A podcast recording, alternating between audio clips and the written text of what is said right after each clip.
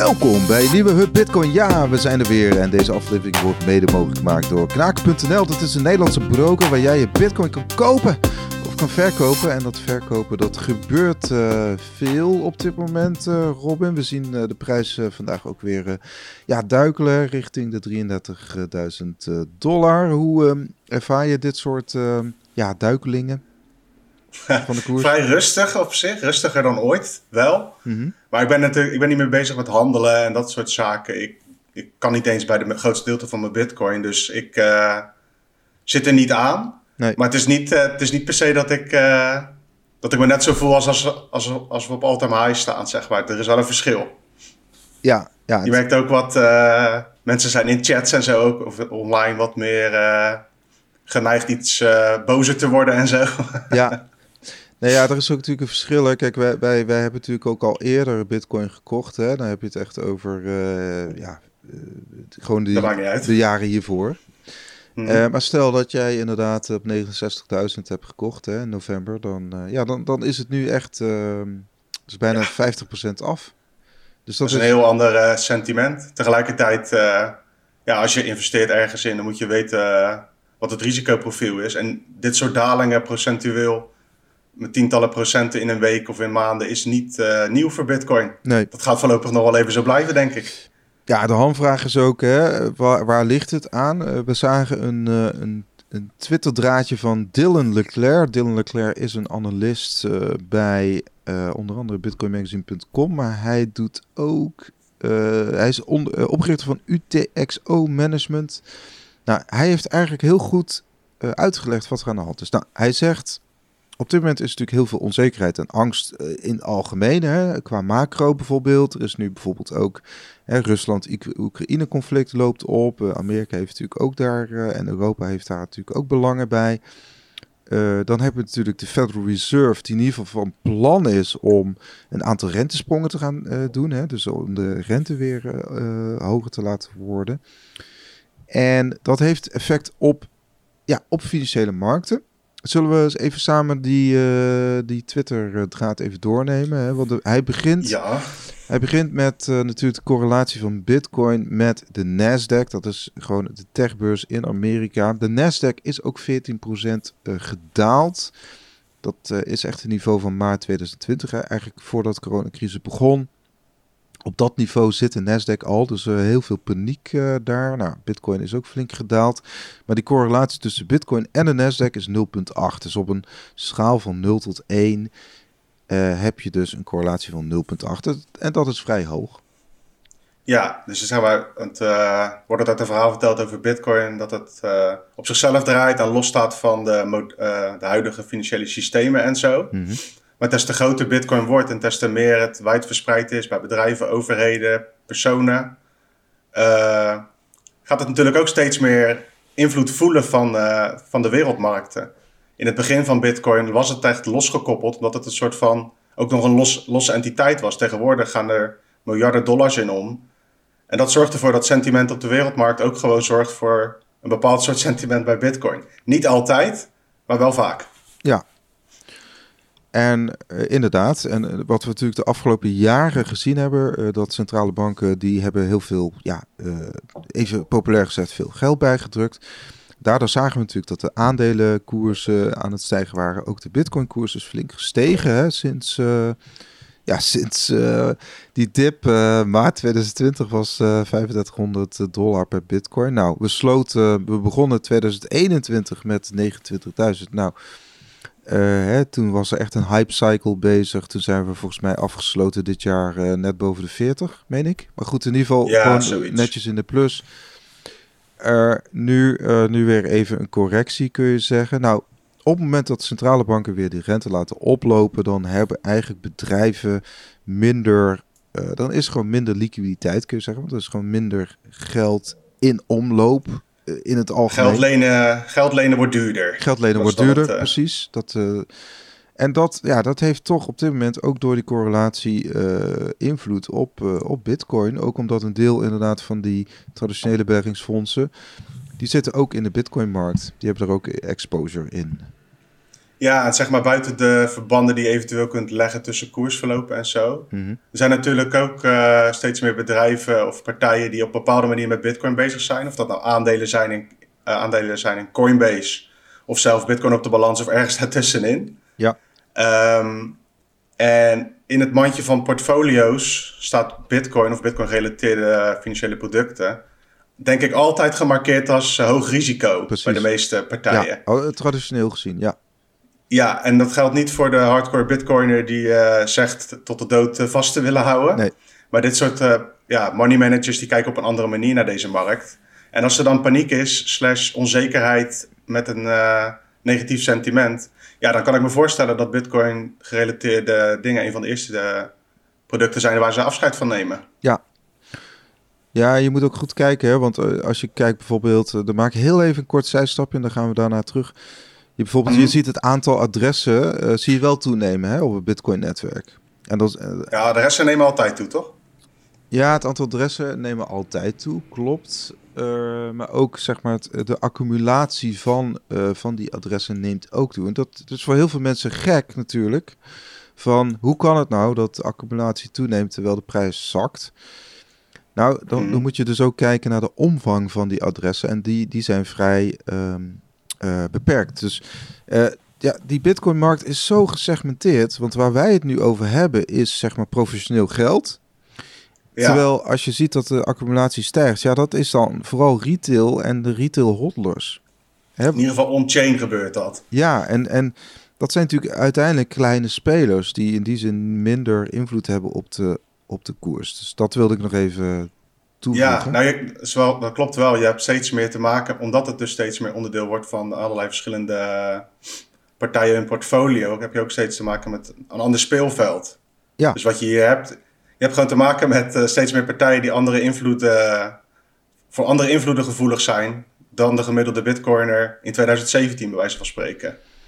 Precies, precies. Het is veel minder retail-driven eh, op dit moment, kun je zeggen. Hè? Ehm, we gaan naar zijn, eh, ja, zijn derde punt. Dat gaat er eigenlijk over van... Daar heb je ook over geschreven dat eh, Grayscale was natuurlijk... Het is een fonds, een bitcoin-fonds. Dat is voor ja, professionele investeerders en institutionele beleggers... Is dat een, ehm, was dat een hele aantrekkelijke manier... Om, om winst te maken in dollars weliswaar. Want ze kochten... Ze kochten relatief eh, goedkoop zeg maar, een aandeel in het fonds. En de onderliggende waarde eh, waren bitcoins. En ze konden dat altijd tegen een premium weer verkopen. Dus het, het aandeel eh, GPTC konden ze dan vervolgens, na een bepaalde lockerperiode, weer voor een premium verkopen. En dat was, dat was een relatief makkelijke trade. Ja, dat is wat, wat er heel lang gaande was. Kwam mede omdat de interesse gewoon in het Grayscale Bitcoin Trust best wel hoog was in bepaalde markten. En dat kwam eigenlijk omdat het een van de weinige toegangswegen was voor institutionele beleggers in Amerika om blootstelling te krijgen aan de Bitcoin koers. Ja. En de trend was dus van, hey, ik eh, koop aandelen in eh Grayscale Bitcoin Trust. En na zes maanden kan ik dat verzilveren. En dan kan ik een soort van gegarandeerde winst pakken. Maar die premium is omgedraaid. Ja, het is Door het marktsentiment, door minder interesse, door meer concurrentie. Allerlei verschillende beleggingen kun, kunnen je nu ook blootstelling geven aan bitcoin. Heeft het fonds te maken met dat eh, de aandelen bij elkaar minder waard zijn dan eh, het aantal bitcoin in het fonds zit. Dat in het fonds zit. Ja, er is op dit moment sprake van een discount van bijna 30%. Dus de, de aandelen in het fonds zijn 30% minder waard dan de eh, bitcoin, de achterliggende bitcoin. Nee, de, Ja. dan de bitcoin prijs, zo moet ik het zeggen. Dan de, Ja, dus wat, Ja. Ja, zo klopt het. Als je, eh, dit is dus zo'n eh, zo'n fonds en de beleggers in dit fonds, die lopen dus een heel ander soort risico dan bijvoorbeeld beurzen of mensen die gewoon bitcoin kopen. Je hebt hier te maken met en dus dat, er, dat het sentiment rondom bitcoin aan zich een klap krijgt. En de sfeer rondom Grayscale Bitcoin was dus nou ook niet zo van... oh, als ik nu weer even koop, heb ik over zes maanden weer eh, een leuke winst. Dat gaat nu helemaal niet meer op. Dus dat is echt een raar sentiment. Ja. En, En die- daar gaan dus ook partijen op failliet. daar ging het stukje wat ik getikt had over. Oh ja, Die hadden, Tentra Labs heette dat, die hadden een renteproduct. Klanten konden daar hun geld stallen en dan kregen ze ja, best wel hoge rente, meerdere procenten geloof ik per maand. Nou, Dat is sowieso een red flag als iemand je dat belooft. Gewoon in dollars, toch? Mensen konden daar dollar Ja. cash eh, storten. Ja. Ja. En een van de strategieën was dus, waar we het net over hadden, die GBTC in te kopen en dan over zes maanden te verzilveren met winst. Mhm. Ja, dus zij, dat verdienmodel zij, zij, ligt helemaal op kochten, zijn gat. zij kochten met die dollars kochten zij aandelen GBTC. Mhm. En dan na zes maanden konden ze die aandelen GBTC tegen die premium weer verkopen. Dat was het idee. En eh, zeg maar van dat rendement, van wat soms 20 tot 30 procent rendement was hè, in een relatief korte periode, konden zij dan die rente uitkeren. Ja. En dit is dus zo'n partij die nu de gevolgen ondervindt van een hele niet doordachte of bewust niet goed ingestoken businessstructuur. Want die, gaan, die zijn gewoon kapot nu, die zijn failliet. En eh, Ja. ja. volgens de directeur kwam dat dus specifiek door die strategie rondom eh, Grayscale Bitcoin Trust. Ja, dus eigenlijk hun verdienmodel was van, hey, jij krijgt 5% rente als jij eh, 100.000 dollar bij ons stort. Zoiets. Hè? En zij pakte natuurlijk meer eh, eh, rendement eh, via G- GBTC. En het, het verschil tussen uitgekeerde rente en het, dat rendement, dat was hun verdienmodel. Nou, door die discount nu is heel dat verdienmodel gewoon geëxplodeerd. Gewoon kapot. Ja, en het is ook niet gek dat dat dan op een gegeven moment, als de markt een gekke beweging maakt, dat dat klapt. Omdat je, je hebt dus, je hebt Bitcoin als eh, protocol. Daarbovenop zit dan een fonds die gaat Bitcoin kopen. Daarbovenop zit een bedrijf die gaat speculeren op het aandeel in dat fonds. En die leveren een dienst in de vorm van een renteproduct aan een klant. Zoveel verschillende schakels. Als er maar eentje wat misgaat, dan stort heel het soortje in. Hebben, hebben we dan helemaal niks geleerd, Robin? Geen idee. Ja, ik heb. eh, eh, hoe heet dat? Ik bemoei me niet met dat soort eh, beleggingen. Dus ik, heb, ik hoef het niet te leren, gelukkig, voorlopig. Ja. Dus, nou, blijkbaar niet, hè? De incentives. Kijk, het, het is natuurlijk wel zo. Dat fonds ging heel lang heel goed. Er zijn waarschijnlijk ook bedrijven die het zo hebben gedaan. Die het wel gered hebben tot nu toe. Ja, ja is ook zo, ja. ja. Nou, we zagen ook dat aandelen van cryptobedrijven ook eh, hard daalden natuurlijk door die dalende koers van bitcoin. Hè? Want we hebben natuurlijk de nodige bitcoin miners. Ja, die hebben ook, hoe dan ook, exposure. eh, die zijn ook steeds meer beursgenoteerd. Hè? Of ik moet zeggen, steeds meer mining, miningbedrijven zijn beursgenoteerd. Er worden publieke, publieke bedrijven eh, en geen private bedrijven. MicroStrategy natuurlijk, ook een publiek bedrijf. Hè? Eh, Ja. Maar aandelen staan inderdaad nu ook ruim 70% lager dan ongeveer een jaar geleden. Dus dat is Dan het een, hoogtepunt, ja. Dat was ook wel gelijk de all-time high bij MicroStrategy dan. wat een Maar je ziet dus- Shitcoins. ja, al die aandelen, ja, moet je ver van weg blijven, wat mij betreft. Ja, Maar goed. ja. Waarom, Ehm, waarom, waarom kopen mensen dat? Ja, waarschijnlijk om meer dollars te krijgen. Nou, gewoon speculeren. Hè? En, en oh, kijk, als jij het, eh, de waardepropositie van een aandeel MicroStrategy goed genoeg vindt, wie ben ik dan om te zeggen dat je dat niet moet doen? Maar het is niet voor mij. Nee. Dus ik weet niet, ik weet niet zo goed waarom. Maar eh, wat je dus ziet, is dat ook hier duidelijk zichtbaar is dat, je, dat die bedrijven niet onafhankelijk van, eh, van Bitcoin of het algemene sentiment hun aandelenkoers zien stijgen. Die donderen nog harder naar beneden dan de koers van Bitcoin. Dus eh, Coinbase en ook Robinhood, die ook veel eh, omzet ja. halen uit eh, crypto verkopen.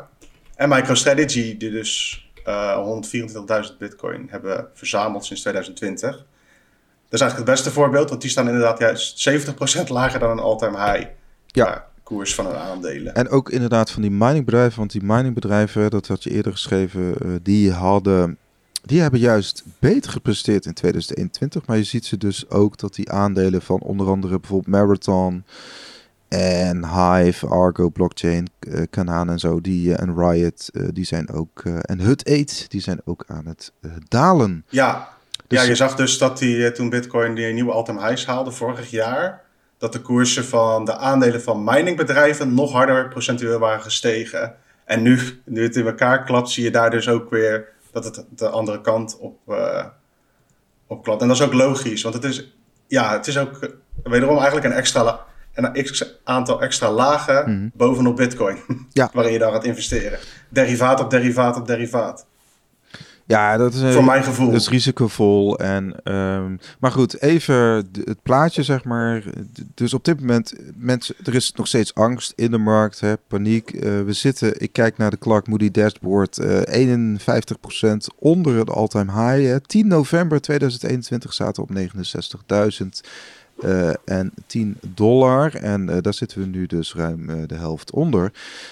Wat nu, hè? Wat nu? En een van de dingen die je kunt gebruiken als, tenminste die, die ik gebruik meer voor een langere termijn tools, zeg maar, is, is on-chain analyse. Nou, laten we er in ieder geval eentje bespreken. Zonder dat we het te, te, complex maken. Ik ga het ook proberen zo goed mogelijk uit te leggen. Mhm. Maar Dylan Leclerc die heeft inderdaad in zijn tweetje ook... Geeft hij, um, heeft hij aandacht voor de indicator Market Value, Realized Value. De MVRV ratio. Hij zegt uh, inderdaad... Uh, nou, ik ga eerst die, die, die ratio uitleggen. Je hebt natuurlijk gewoon een market cap. Dat is gewoon de marktprijs maal het aantal uh, gedolven bitcoin. Hè, dat zit nu rond nou, 18,8 miljoen bitcoin volgens mij die gedolven zijn. Maal de huidige marktprijs. Nou, dat noemen we de market cap. Dat, dat is uh, element 1. Element 2 is uh, eigenlijk alle waarden, dus zeg maar de totale waarde van de laatst bekende waarde van alle beetjes bitcoin die voor het laatst toen bewogen zijn. Dus stel, Robin, jij hebt voor 100 euro bitcoin gekocht. Je hebt het nooit verkocht, dat is nooit meer verplaatst op het netwerk, mhm. dan is jouw gerealiseerde waarde, gerealiseerde prijs, uh, is nog steeds 100 euro. Terwijl ja, ondanks dat uh, de spotprijs op uh, eh, 33.000 staat. Ja, dus stel je had ooit gekocht toen die 10.000 dollar was. Nou, dat, sta, dat staat jou, dat beetje bitcoin voor jou staat nu boven de, nou even voor het gemak, boven de 300 euro. Hè? Maar de gerealiseerde ja. prijs is nog steeds 100 euro. Nou, dat wordt ook allemaal opgeteld. Hè? Dus al die beetjes bitcoin, dat noemen we dan UTXO's. Die hele set van UTXO's wordt ook opgeteld. Nou, en daar komt dus een verhouding tussen. Dus, uh, nou, de marketprijs is, uh, de market value is altijd hoger als het goed is dan de gerealiseerde value. Tenminste, dat is de bedoeling. Dat is de bedoeling. Soms komt hij er ook onder, moet ik zeggen. Op dit moment zit hij er nog boven, dus de ratio is 1,5. Hè, dus 1 punt, uh, market value is 1,5 hoger dan uh, realized value. En uh, nou goed, die Dylan geeft in ieder geval aan dat het op dit moment ook weer dus aan het zakken is. 1,5. Dus hoe lager, hoe dichterbij we bij een bepaalde bodem komen. Als we echt richting de 1 gaan, dus dat market cap uh, zeg maar één keer groter is dan, dan de gerealiseerde, ja, dan wordt het, dan wordt het, dan, dan, dan, historisch gezien was er dan sprake van ook een bepaalde bodem in de markt. Dus zover zijn we dus nog niet. Dus eigenlijk kun je ook zeggen, we hebben nog geen bodem bereikt. dus. Ja.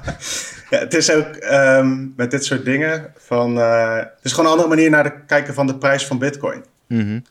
Wat er dus gedaan wordt, is gewoon alle transacties van, uh, die er ooit zijn gedaan, daar een marktwaarde uh, aangehangen en die bij elkaar optellen. Daar het gemiddelde van pakken, toch? Nou, het is geen gemiddelde. Het is gewoon. Uh, ja, het wordt zeg maar. Op dit moment is zeg maar de kostprijs, de kostenbasis on-chain is 24.000 dollar. Dus eigenlijk zeg je van al die beetjes Bitcoin hebben mensen uh, hebben ze ooit ingestapt, gemiddeld gezien voor 24.000 dollar. Tenminste, de laatste keer dat die Bitcoin bewoog. Dat is dan toch gemiddeld? Ja, dat is inderdaad gemiddeld. Klopt. Oké, ja, wat je dan dus krijgt is uh, een andere prijs. En die spotmarktprijs is ook maar gewoon door onszelf bedacht als van dit is de actuele prijs van Bitcoin. Hier, deze volgen we.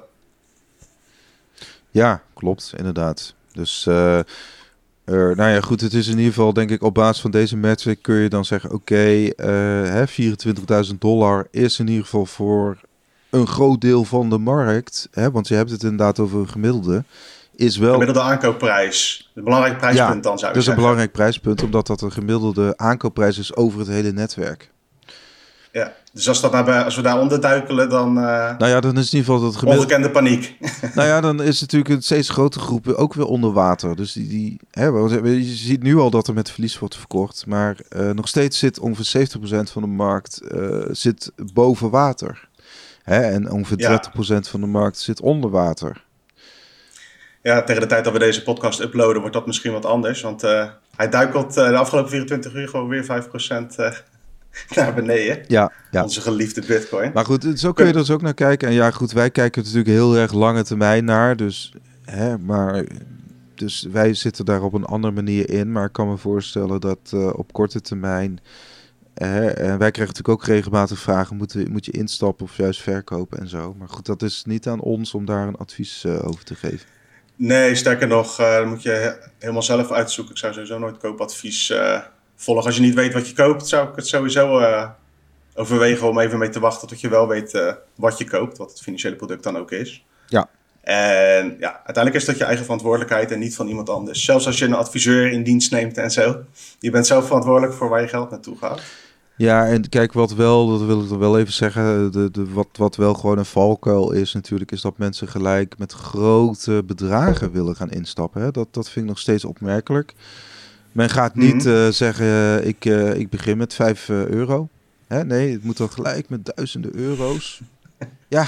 ja. Waarom? Ja, dat hoeft niet. Je kan gewoon uitproberen voor een relatief klein bedrag, is een wallet gebruiken en dat soort zaken. Ja. En ja, om even een ander nieuwtje te pakken, om wat uit te zoomen naar de Bitcoin mining. Mm -hmm. Intel ja. wil uh, Bitcoin mining chips gaan maken. Uh, de eerste klant is al bekend. Het gaat om een Amerikaanse start-up. En uh, wat zij willen doen is gaan concurreren met Bitmain en zo. Om te kijken of zij miningfabrikant of een Bitcoin mining hardware fabrikant kunnen worden waar mensen hun Bitcoin miners kunnen kopen is wel een stap, want het is een hele niche markt. Mm Is tot nu toe eigenlijk altijd gedomineerd door Bitmain. En door, je hebt er nog eentje van uh, Jihan, geloof ik. Maar die komt ook van Bitmain, dus het is een soort van uh, kleine markt. Met Ja, een fa- eh, fabrieken. Jihan. Oh ja, dus ze zijn gesplitst, hè? Maar je hebt dan ook nog MicroBT, heb je bijvoorbeeld. Ja, die geloof ik. Ja. Maar in ieder geval, ASIC is een, of eh, Intel is een grote naam. En ja, zij willen dus gewoon deze markt ook gaan betreden. En dat zou goed nieuws kunnen zijn ook voor het decentrale aspect van eh, deze kant van Bitcoin. Want je kunt je voorstellen dat Intel op andere plekken fabrieken wil neerzetten dan een eh, Bitmain.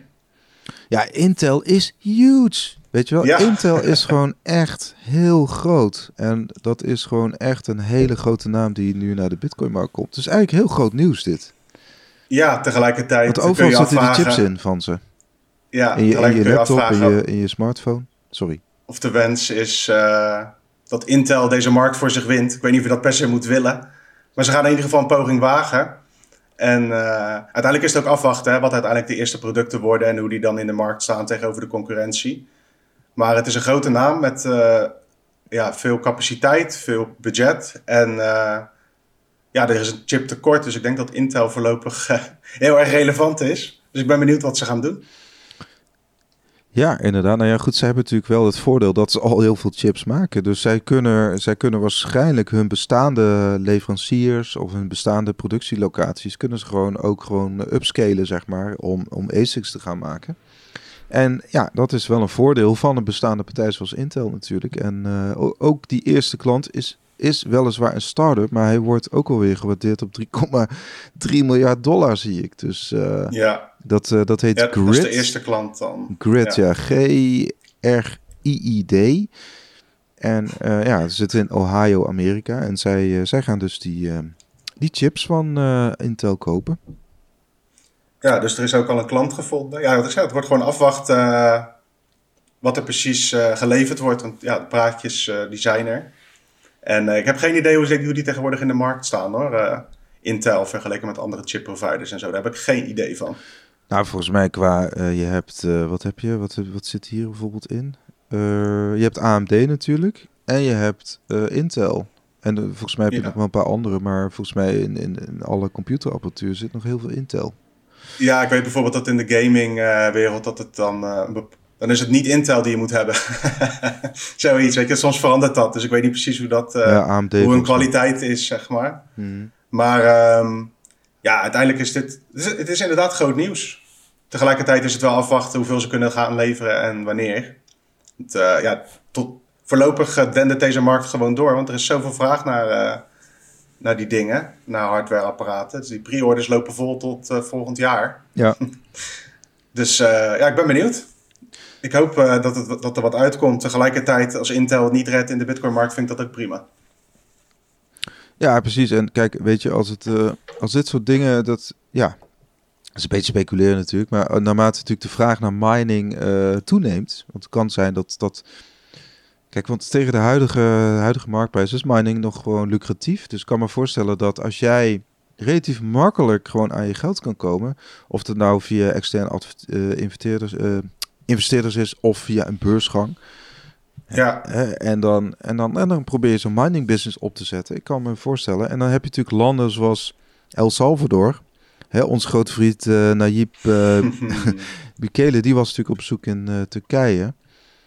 En ja. Uh, naarmate we natuurlijk ook landen hebben met natural resources, kan me ook voorstellen dat bijvoorbeeld uh, de vraag naar chips ook gaan toenemen. Ja, is zo, ja. Tegelijk, ik uh, bedenk me net van Jack Dorsey van, hoe heet dat tegenwoordig? Blok. Ja. die zijn natuurlijk ook met een mining initiatief bezig, maar dan een beetje tegenovergestelde van wat Intel waarschijnlijk gaat doen. die zijn bezig met een open source manier van ontwikkelen van hardware. Ja, nou, kan ook. Dus aan die kant van het spectrum heb je dus ook. Dus dat wordt ook interessant om te kijken van... Uh, mochten ze een beetje tegelijk uh, met de eerste marktproducten komen... te kijken hoe dat dan weer uh, tot elkaar verhoudt. Is ook zo.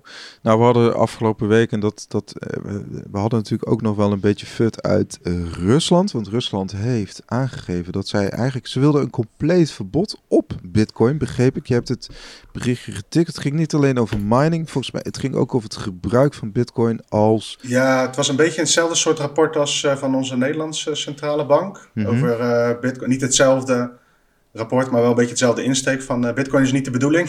ja.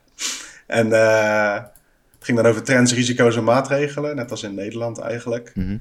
En ja, het gerucht ging dus dat de centrale bank opriep om uh, eigenlijk tot een totaalverbod op Bitcoin in de zin van dat er zo min mogelijk mee mocht gebeuren, zeker niet mee betalen en zo, wat nu volgens mij ook niet uh, mag officieel. Nee, mag ook al niet. Nee, nee de uh, is leading. Ja, blijkbaar. En misschien dollars mag ook wel, denk ik, in euro's als je het lief vraagt. Maar Bitcoin is vies en daar moet je vanaf blijven in uh, sommige delen van de wereld. en uh, uiteindelijk is het de bedoeling dat dat verboden moest worden vanuit de centrale bank. Maar nu zijn er dus tegengeluiden. Mhm, Dat is eigenlijk het hele ding. Vanuit verschillende groepen mensen. Moet ik even kijken. Pavel Durov is oprichter van onder andere Telegram. Ja. Welbekende chat-app. We zelf ook, uh, maken we zelf ook Ja, eh, Duitsland van. wil Telegram verbieden, maar dat tezijde. Ja, er gebeuren overal rare dingen wat dat betreft. Eh, software is verboden. Ja, ik wens ze heel veel succes. Ja, ja, zeg maar niet te hard, want eh, Oh nee, dat, dat wordt nog wat. moet je maar dat, eh, tegen Duitsland niet nee. te hard zeggen. Nee, sorry. In ieder geval, er komen nu ook geluiden uit Rusland waarin gezegd wordt van ja, dit is niet te doen, dit gaat niet, uh, gaat niet lukken. En het is zeker niet te handhaven, want het totaalverbod met bitcoin, uh, ja, ik kan me ook niet voorstellen hoe, zeg maar. Nee. Ja, en in dystopian future, zeg maar, waar we eventueel ooit naartoe groeien, dat je met je iris-scan of je vingerscan moet inloggen op voordat je op internet kunt. Misschien dat je dan dingen kunt voorkomen, maar zolang het internet vrij, redelijk, redelijk vrij te bereiken is, kun je met bitcoin gaan betalen. Nee, wat, wat, wat, heel lastig. Ja, kijk, wat natuurlijk wel zo is, als jij, ik noem maar wat, je hebt, um, ja, je hebt gewoon heel veel bitcoin en je wil dat omzetten in roebels. Ik kan me voorstellen dat dat heel lastig is. Maar ja, dan, in dat geval ga je natuurlijk ook misschien op zoek naar gewoon andere offshore, Ja. offshore beurzen uh, buiten Rusland. En het heeft wel een grote impact. Hè? Want kijk, stel dat het in Nederland uh, in één keer verboden wordt dat je in je webshop bitcoin uh, als betaalmiddel gebruikt. Stel dat dat zou gebeuren. Natuurlijk heeft het dan invloed op hoe bitcoin gebruikt wordt in je land.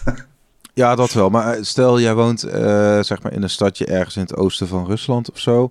En uh, jij gaat, uh, je stuurt naar een vriend of vriendin, stuur jij gewoon een beetje bitcoin. Ja. En, Ja. en je gooit het door de Wasabi wallet. ik denk ook dat het daar niet per se om te doen is. Nee. Nee, het gaat die denk ik... kleine Het zaakjes. gaat die, die grote transacties willen ze denk ik wel. eh. Ja. Dus ja, ik- dat, is, eh, dat zie je overal. Je hebt dus El Salvador aan de ene kant die zegt eh, bitcoin, eh, kom maar naar ons allemaal. Iedereen die met bitcoin wat wil doen, eh bitcoin stad bouwen, bla bla bla. En landen als Rusland, China en ik denk dat in Europa en Nederland dat er ook steeds meer eh, nog strengere regeltjes rondom gaan komen. Ja. Eh, ja, die geluiden zijn het tegenovergestelde van eh, let op, het is gevaarlijk voor de maatschappij en, enzovoorts. En in die discussies valt me ook vaak op dat er dan, bij mining en zo gaat het over bitcoin, dat dat dan vies is en zo. voor milieu. Maar de alge- over het algemeen gaat het over cryptocurrencies als geheel. Mhm. Terwijl ik vind dat in heel die discussie dat je bitcoin echt los moet zien van eh, een random token die een, eh, een basketballer in Amerika heeft gemaakt. Ja. Nee, Bitcoin... Dat zijn twee hele andere dingen. Bitcoin is echt heel conservatief eigenlijk, hè? Ik bedoel, het is de meest veilige optie binnen heel die crypto-markt. Is, is Bitcoin. Ja, kijk, en dat is even, in El Salvador valt dat tot nu toe mee. Dat denk ik wel dat een van de valkuilen is voor landen die eventueel ook uh, met Bitcoin uh, echt aan de slag willen. Dat ze ook die cryptozooi ermee meetrekken als je niet uitkijkt. Als je de verkeerde adviseurs hebt en zo. Ja, maar dat, dat inderdaad, nou ja, goed, die hebben veel lager market cap, dus ze kunnen veel meer uh, pump en dump. Ja, maar laten we daar verder. Het, is meer in het algemeen, zeg maar, centrale banken en zo. Dan gaat het over Bitcoin, is slecht voor het milieu. Maar cryptocurrency als uh, wordt voor de rest als geheel gepakt. Dat zou opgesplitst moeten zijn. Ja, nou ja, de, ik voorzie. En ik, vind, ik, zag ook een. Ik vind dat je ook een fan token mhm. mag maken hoor, trouwens. Ja, zelf weten. Moet ze zelf weten, inderdaad. Alleen uh, het is wel zo dat bijvoorbeeld toezichthouders, ik las een rapportje van de ESMA, dat is eigenlijk de Europese financiële oh toezichthouder. Dat is eigenlijk de, het um, ja, overkoepelend van bijvoorbeeld de Nederlandse bank. Hè. Dat is eigenlijk uh, uh, ja, een Europese toezichthouder, moet ik zeggen. Nou goed, nou ja, daar staat gewoon wel met zoveel woorden in. Bitcoin met de proof of work principe is gewoon uh, milieuvervuilend. En DLT's, uh, zeg maar Decentralized Ledger Technologies. Ja. Uh, die zijn niet vervuilend voor. dus je komt in, je wordt in die fuik, je komt in die fuik terecht dat je, dat je wordt gezien als vervuilend. En ehm, ja, ja, die push gaan we zien. Dat, uh, dat is nu al aan de hand. Ja, dat, dat, gaat niet stoppen. Nee, maar dat, dat gaat dit jaar gewoon. Dat gaat gewoon. Dat wordt gewoon herhaald dit jaar. En uh, ja, goed, dat weten we. En dat is waarschijnlijk ook al ingeprijsd hoor. Dus. Uh, ja. Dat ik, nou ja, ingeprijsd. Kijk, het is altijd. Uh, nou, ook een beetje af wie het roept. Kijk, als je ineens MicroStrategy krijgt die zegt van uh, we stoppen ermee, uh, bitcoin is vies. dat is wat anders dan dat een random centrale bank het zegt. Nou ja, kijk, In het land zelf heeft dat gevolgen, nou maar wereldwijd. Ja, nee, oké. Okay. Maar we moeten ook niet, uh, te, weet je wel, niemand, uh, je moet inderdaad, Michael Saylor staat ook, uh, of MicroStrategy, bijvoorbeeld Blacks, BlackRock heeft ook aandelen in MicroStrategy. Nou, we weten ja, allemaal... 5%. Ja, precies. En BlackRock, uh, die uh, Fink, dat is gewoon een hele. Die zit helemaal op de trein van uh, de ESG's. En we moeten allemaal zo schoon mogelijk. Hè? Dus. 10.000 miljard aan assets onder beheer aan het eind van vorig jaar. Ja, dus hij heeft natuurlijk ook bijvoorbeeld, denk ik, bij, bij Cedar op aangedrongen. hey, je moet wel de Bitcoin mining console, dat moet jij wel gaan oprichten. Ja, want... weet, ik niet. Zou kunnen. Ja, nou ja, dat denk ja. ik gewoon. Dat daar wel gewoon krachten achter zitten. Die zeggen van, leuk, uh, wil jij bitcoins gaan minen, dan moet het wel uh, een, een bepaald percentage moet dan wel uit duurzame bronnen komen. Ja, anders, kun je, onze financiering, al, anders kun je onze financiering vergeten, zeggen ze dan. Ja, maar dat gebeurt ja. al. Hè? Dus het is niet zo dat, eh, dat er nu niks uh, vanuit duurzame bronnen nou ja, wordt gemaakt. Op zich is dat wel een goed punt. Van, zeg maar, dit soort communicatie vanuit centrale banken heeft ook gevolgen voor de relatie tussen bitcoin en beursgenoteerde bedrijven en zo. Want je wil ook niet zeg maar, Michael Saylor is dan helemaal omgegaan. En miners en beurs, cryptobeurzen spreken voor zich. Mm -hmm. Maar als je niks met bitcoin te maken hebt... dan wordt het een steeds grotere stap om er toch wat mee te gaan doen. Omdat je ook risico's loopt. Ja. Met dit soort uh, uitspraken vanuit centrale bank. Je bent toch bang als multinational... dat er ergens wat uh, geroepen wordt... waardoor je reserves uh, verdampen. Dat gebeurt met de dollar of de euro ook. Maar goed... Ja, nee, inderdaad. Dus uh, nou ja, goed, het is... Het sentiment is niet positief, dat kunnen we wel stellen in die uh, regionen. Centrale banken, maar dat, dat is ook logisch. Nee, dat, maar ja, wat je, wat je dus wel ziet, je ziet wel dat er bijvoorbeeld in Amerika... het begint ook wel een beetje door te sijpelen van... we zien juist kansen, want China heeft het, ze zet er een streep door. Nou, Rusland nu grotendeels ook. En er komt best wel wat hashing rate uit Rusland, hè? volgens mij wel 10, 11 procent. Dus ja, nu, dat hebben we het nog niet over gehad, maar uh, het zou toch heel raar zijn als, als Rusland is een hartstikke energierijk land. Dat ze zo'n kans laten gaan. Ik, nou ja, ze zijn denk ik bang uh, voor dat hun digitale roebel uh, dat die concurrentie krijgt. Ja, die, die snap ik wel. Als je geldstromen wil controleren in je land, dan is het wel lekker als dat via een digitale roebel gaat in plaats van via bitcoin.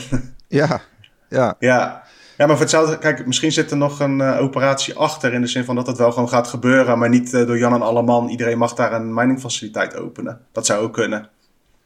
Ja, ja. Dat weten we gewoon, de speculatie maar het, het, is het grootste land ter wereld. Uh, superveel energiebronnen ongebruikt. Dat moet, daar kan je heel winstgevend bitcoin minen. In ieder geval. Ja, nee, inderdaad. Nou ja, misschien, ja, ik weet niet. Misschien dat ze die, dat, dat gas willen ze sowieso liever uh, gebruiken om uh, te verkopen aan uh, onder andere Europa natuurlijk. Dus, en dat willen ze niet omzetten in stroom. Nee, ja, dat is ook zo inderdaad. Het is meer, ja, ik weet niet. Ik heb het gevoel dat er wel kansen liggen voor een land als Rusland. Tegelijkertijd nu met die internationale. Ik denk dat, die, ik denk dat ze daar ook wat anders aan hun hoofd hebben dan Bitcoin, eerlijk gezegd. Op dit moment wel, ja. Ja, uh, laten we het daar maar niet over hebben, want dat is ook één groot. Uh, over uh, mogelijke invloed op de markten gesproken. Als daar wat gebeurt, dan eh, wordt het nog rooier, ook bij Bitcoin. Nou, dat is dus nu al gaande. Hè? Dus er is nu ook al wat onrust daardoor. maar laten ja, we toch. Ja, laten we even. De, op zich, nu we het toch over mining hebben. Hadden natuurlijk gewoon een Eindhoven aan de Brittanjehof. Ja. Uh, hadden we gewoon iemand die daar uh, een dikke stroomkabel uh, in, in zijn straat liet aanleggen. Ik vond het opmerkelijk bericht. Ik denk, oké, okay, dus je kunt, ja, je kunt blijkbaar als privépersoon dat vragen van je netbeheerder. Hè? Of van je energie, energieleverancier. Maar goed, dat, dat kan. Dus hij begon inderdaad. hij, had, hij heeft gewoon een betere stroomaansluiting nodig voor het minen van bitcoins. Maar dat is, het is niet bekend of het echt bitcoin minen is, hè? Hij wilde dat toch niet bevestigen? Of wel? Uh, dat is een goede vraag. Maar volgens mij... Volgens mij uh, was dat het idee. Dat hij ook niet... Uh... nou, dat is wel inderdaad... nou, hij wilde niet bevestigen... Ja, kijk, ik zou ook mijn mond houden. Want als je dat in je schuurtje doet... staat een hoop waardevolle apparatuur. ja. De, buur, goed, was een... de buren van ja. de man gaven aan soms last te hebben van knipperende lichten vanuit zijn huis. Want van wie was dit nieuws? Uh, van het AD. Ook, uh, AD. AD. Okay. Ja. ja. Het is, het is wel, dat is ook zo'n grappig nieuwtje van, uh, ja, mensen zijn toch inventief, hè? ja. Kijk, als jij niet genoeg stroom hebt thuis, wat doe je dan? Nou, dan vraag je gewoon of ze zo'n hele dikke kabel door je straat komen leggen. Ja. Nou, het... Zou je wel voor moeten betalen, denk ik, of niet? Ja, tuurlijk joh. Dat, dat, doet, uh, dat is niet gratis. Nee, dat is niet uh, van het gemeentegeld, zeg maar. Nee, nee, nee, nee, nee ik okay. denk het niet. Nou, die heeft wel een goede hoop voor de toekomst dan, wat betreft bitcoin, als het daarvoor is. Ja, het is natuurlijk wel dat je denkt, wauw, als het echt klopt dat hij er echt bitcoins gaat minen. En dat, dat zie je, als je die foto's ook ziet, hoe iedereen daar bezig is in, de, in die straat, zeg maar. Dat, ja. Is toch mooi? Ja. ja je, moet, uh, je kan het opzoeken bij het AD. Hele straat open, voor stroomvretende buurman die bitcoin delft. Snap niet dat dit kan. Als je dat googelt, dan vind je het wel. Ja. En de hele strekking is van het artikel is ook een beetje de insteek van bizar. Nee, dat mensen dit doen. Ja, maar weet je, uh, ja goed, ik woon ook in zo'n wijkje, maar dan stel, dan ga je wel, je wilt natuurlijk wel uh, goede relaties met je buur houden, dus op zich zou je, je zou wel iets daarmee kunnen doen. Stel dat hij echt bitcoins aan het delven is, dan ja, ik weet niet. Ik zou dan wel uh, zeggen van, joh, we gaan even een keer een avondje bij elkaar zitten en uh, we gaan uh, ja. de Bitcoin wallets openen. En dan stuur ik. Maar misschien is die als een echte Bitcoiner betaamt gewoon vooral op de zolderkamer. En heeft hij niet zoveel met de buren. Oh ja, dat zou maar kunnen. Maar het had, het had wel netjes geweest als hij gewoon even een briefje door de bus had gedaan. Ja, ja, ja precies, precies. Ik ga bitcoins minen. Doei. ja, ja. ja wel leuk, wel grappig nieuwtje. Tussen al het geopolitieke gebeuren ja. door. Is toch, toch, toch beter dan uh, zo'n hoerenketen in je straat. Maar goed, dat terzijde. Uh, uh, ligt eraan. Ja, ligt eraan inderdaad. Ja, maar goed, dat kost in ieder geval minder stroom. nog een, een industrienieuwtje van Bitmax. Ja. Een hele oude Duitse bank willen die opkopen. Ze opgericht in 1754. Zo. Het gaat om Bankhaus, von der Heid. Wie kent het niet? Bitmax is, uh, ja, wat begon, is eigenlijk begonnen als een hele beruchte derivatenbeurs. Waar je uh, zonder identificatie gewoon uh, zoveel keer long futures, wil ik het dan voor ongein uit kon, ha kon halen rondom de Bitcoin koers. Ja. de oprichters en directeuren die liggen zwaar onder vuur. In Amerika met name. Ja, zij waren eigenlijk de eerste, meen ik, die, dat die contracten die werden ook in bitcoin afgerekend. Ja, de... het is heel groot was het. Echt gigantisch. Ja, ja nog, steeds op, nog steeds op zich nog wel redelijk groot. Alleen het is inderdaad op Binance en Bybit en zo uh, ingehaald. Ja, ja. en uh, ja, dat bedrijf zelf draait gewoon door. Die hebben een Duitse uh, directeur aangesteld om daar orde op zaken te stellen. Ja, al een Dus, eh, tijdje, al- ja. Al een paar ja, jaar. alle klanten, eh, ja, puinruimer was hij. Oh. Die heeft alle regels ingesteld en eh, identificatieplichten en zo doorgevoerd. En eh, ja, het is denk ik makkelijker om een bank te kopen in Duitsland en daar gewoon vanuit daar te handelen dan eh, allerlei licenties te halen. Dus als dat wordt goedgekeurd, dan heeft Bitmax straks een Duitse bank onder hun vlag zitten. Ja, wel geinig. Hè? Het is een nieuwe wereld eh, meets oude wereld. Volgens mij in Duitsland heb je heel veel banken. Echt Ja, honderden klopt. banken. En die, ja, niet, met niet elke bank gaat het daar even, even goed. Hè? Want eh, hè, de, de, de- ja, wie weet is dit de perfecte uitkomst ook voor die, eh, voor die eigenaren. Kijk, het zal even pijn doen als je al eh 268 jaar oud bent als Ja. bank, maar toch. ja, nou, ze hebben het niet heel allemaal, allemaal meegemaakt. Maar het is, Nee. Ja, je, weet, je weet het niet hè, wat er rondloopt. Ja, nou ja, eh, wat ik op, op zich ook nog wel... Nou, leuk, op zich een leuke ontwikkeling. We krijgen natuurlijk wel in maart volgens mij eh, de rechtszaken nog in Amerika richting de oprichters van Bitmax. Dus eh, hoe dan ook krijgt het ook nog wel een staartje. Het Ja. dossier Bitmax. En, want op zich, ze hebben die... Met de CFTC hebben ze volgens mij geschikt. Maar in ieder geval de oprichters zijn ook persoonlijk aangeklaagd. Dus het is een civiele rechtszaak. En dat, en Ja, je dat komt er als bedrijf eh, wat makkelijker vanaf dan als privépersoon. En ja, dit is ook wel echt zo'n voorbeeld van... Fuck niet met eh de USA als het gaat om belastingontduiking en eh, derivata en futures aanbieden. Want ze komen gewoon op alle manieren op je af uiteindelijk. Ja, dus dat... nee, je moet niet met ze fucken. En ehm, Er gaan we even een uitstapje maken naar... Ik vond dit op zich wel een geinig nieuwtje met die eh, NFC-wereldkampioen. Francis Ngannou. Ngannou. Dat is in ieder geval Ja. eentje uit eh Cameroen. Eh, die accepteert zijn prijsgeld ook eh, in bitcoin. Vond ik, wel, vond ik op zich wel een geinige. Het was natuurlijk Was af... dat weer met de Cash App, toch? Ja, het was afgelopen Ja. weekend natuurlijk een aantal NFC-gevechten. Heeft hij ook weer gewonnen. Hij heeft zijn wereldtitel verdedigd. En voor zover ik weet, is dit de, e- de- zeg maar een van de eerste eh, grote vechtsporters die er echt voor uitkomt dat hij eh, ja, dat hij Bitcoin wil ontvangen. Ja, het is wel. Het is, eh, ik noem dat de Cash App even. Het is gewoon een hele slimme marketing van hen. Want wat zij dus doen ook, is, het is gewoon een sponsordeal. Ja, En zij benaderen dan atleten. Max Verstappen is volgens mij ook al aan de beurt geweest in een, of in een sportje. En die laten dan, die mensen laten ze een miljoen bijvoorbeeld of 300.000 dollar zie ik hier aan bitcoin weggeven.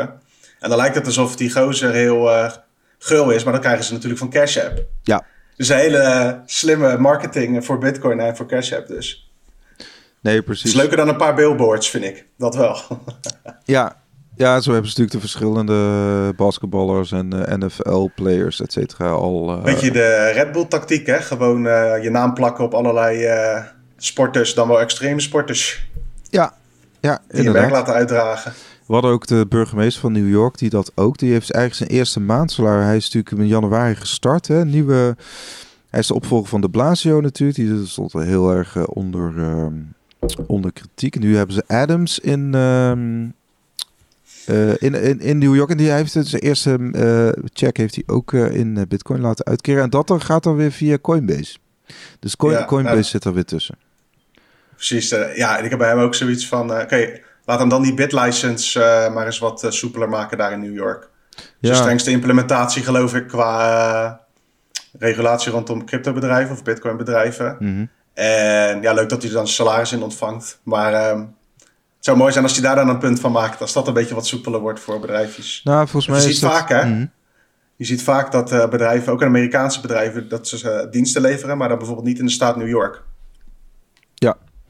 Nee, klopt. Maar volgens mij is hij dat ook wel van plan hoor. En eh, ik vond het wel opmerkelijk, want je mag in Amerika officieel nog niet je salaris in bitcoin ontvangen.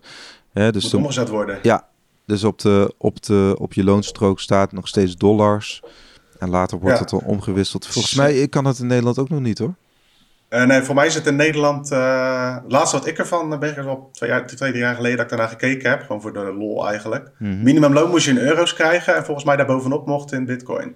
Oh ja. Wat ik ervan onthouden heb, zoiets. Ja, want je hebt bijvoorbeeld een aantal Nederlandse brokers die doen dat ook al volgens mij met hun personeel. Hè, dat ze eh, dat in, eh, in bitcoin uitkeren. Optioneel. Ja, je, hebt, je had ook een, eh, een keten-eigenaar, franchise-eigenaar van iets van mijn pizza, geloof ik. In Oh ja. Nederland. Domino's. Die deed ook. Ja, ja, zeven locaties geloof ik. Die hadden dan, ja, Domino's Nederlands, ja.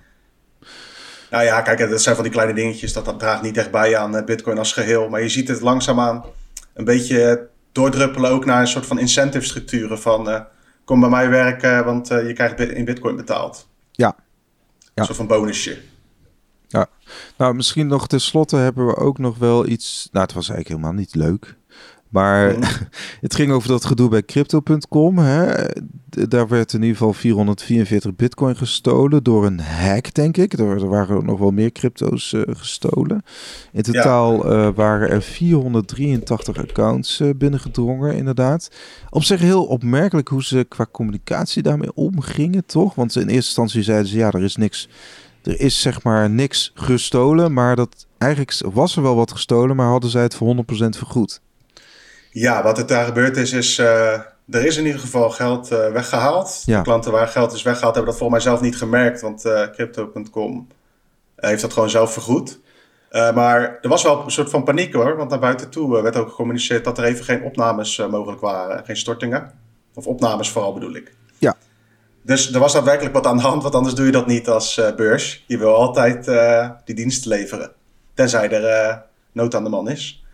En ja, er zijn dus uh, gewoon mensen vandoor gegaan met geld. Uh, de klanten zijn dus uh, vergoed. Dus in principe is er weinig aan de hand. De enige die wat moet betalen is de financieel directeur van Crypto.com. ja. En als er echt een fout is gemaakt door een mens, dan zal die ongetwijfeld zijn baan verliezen. Het is wel weer zo'n voorbeeldje van, ja, dan kan er, daar gaan ook dingen mis. Ja, ja, de vraag is ook een beetje, hè, kijk, en zij, uh, er werd natuurlijk ook wel een beetje gezegd van, joh, je koopt uh, voor 750 miljoen uh, de sponsor, de naamrechten van een, weet je wel, van een groot sportstadion in LA, maar, ja. maar dit is, het is blijven lastig. Nou, zeg maar, die security, die, die, die schijnt wel al redelijk top-notch te zijn, maar blijkbaar zijn, is het toch, de vraag is, hoe heeft het zover kunnen komen? Hoe zijn die fondsen dus gejat? En dat, en dat, het, dat, daar, daar hebben ze nog niks over gecommuniceerd. Nee, hebben ze nog niet gecommuniceerd. Misschien hebben ze het ook nog niet gevonden, dan wel gedicht. En ja, waarom zij ook een voetbal of een, uh, een stadionrecht kopen en zo. Ja, dat is, dat is makkelijker dan uh, je security helemaal op orde houden, denk ik. Ja, blijkbaar. Maar het is in ieder geval wel een red alert voor dit soort uh, platformen, moet ik zeggen. Hè? Ja, en... het is een... Kijk, ik maak er nooit gebruik van, dat weet je ondertussen. Dus ja. ja, I don't care. Alleen, dit hoort bij het risicoprofiel van van die beurs. Tegelijkertijd, als ze het allemaal relatief in losse plukjes hebben opgeslagen, dat er maar kleine delen gepakt kunnen worden, zeg maar. En er is een bepaald verzekeringsfonds wat dat kan dekken. Daar heb je als klant, merk je hier niet zoveel van. Maar het is wel inderdaad gewoon een, uh, weer een herinnering van, het staat hier niet zo veilig als dat je soms denkt.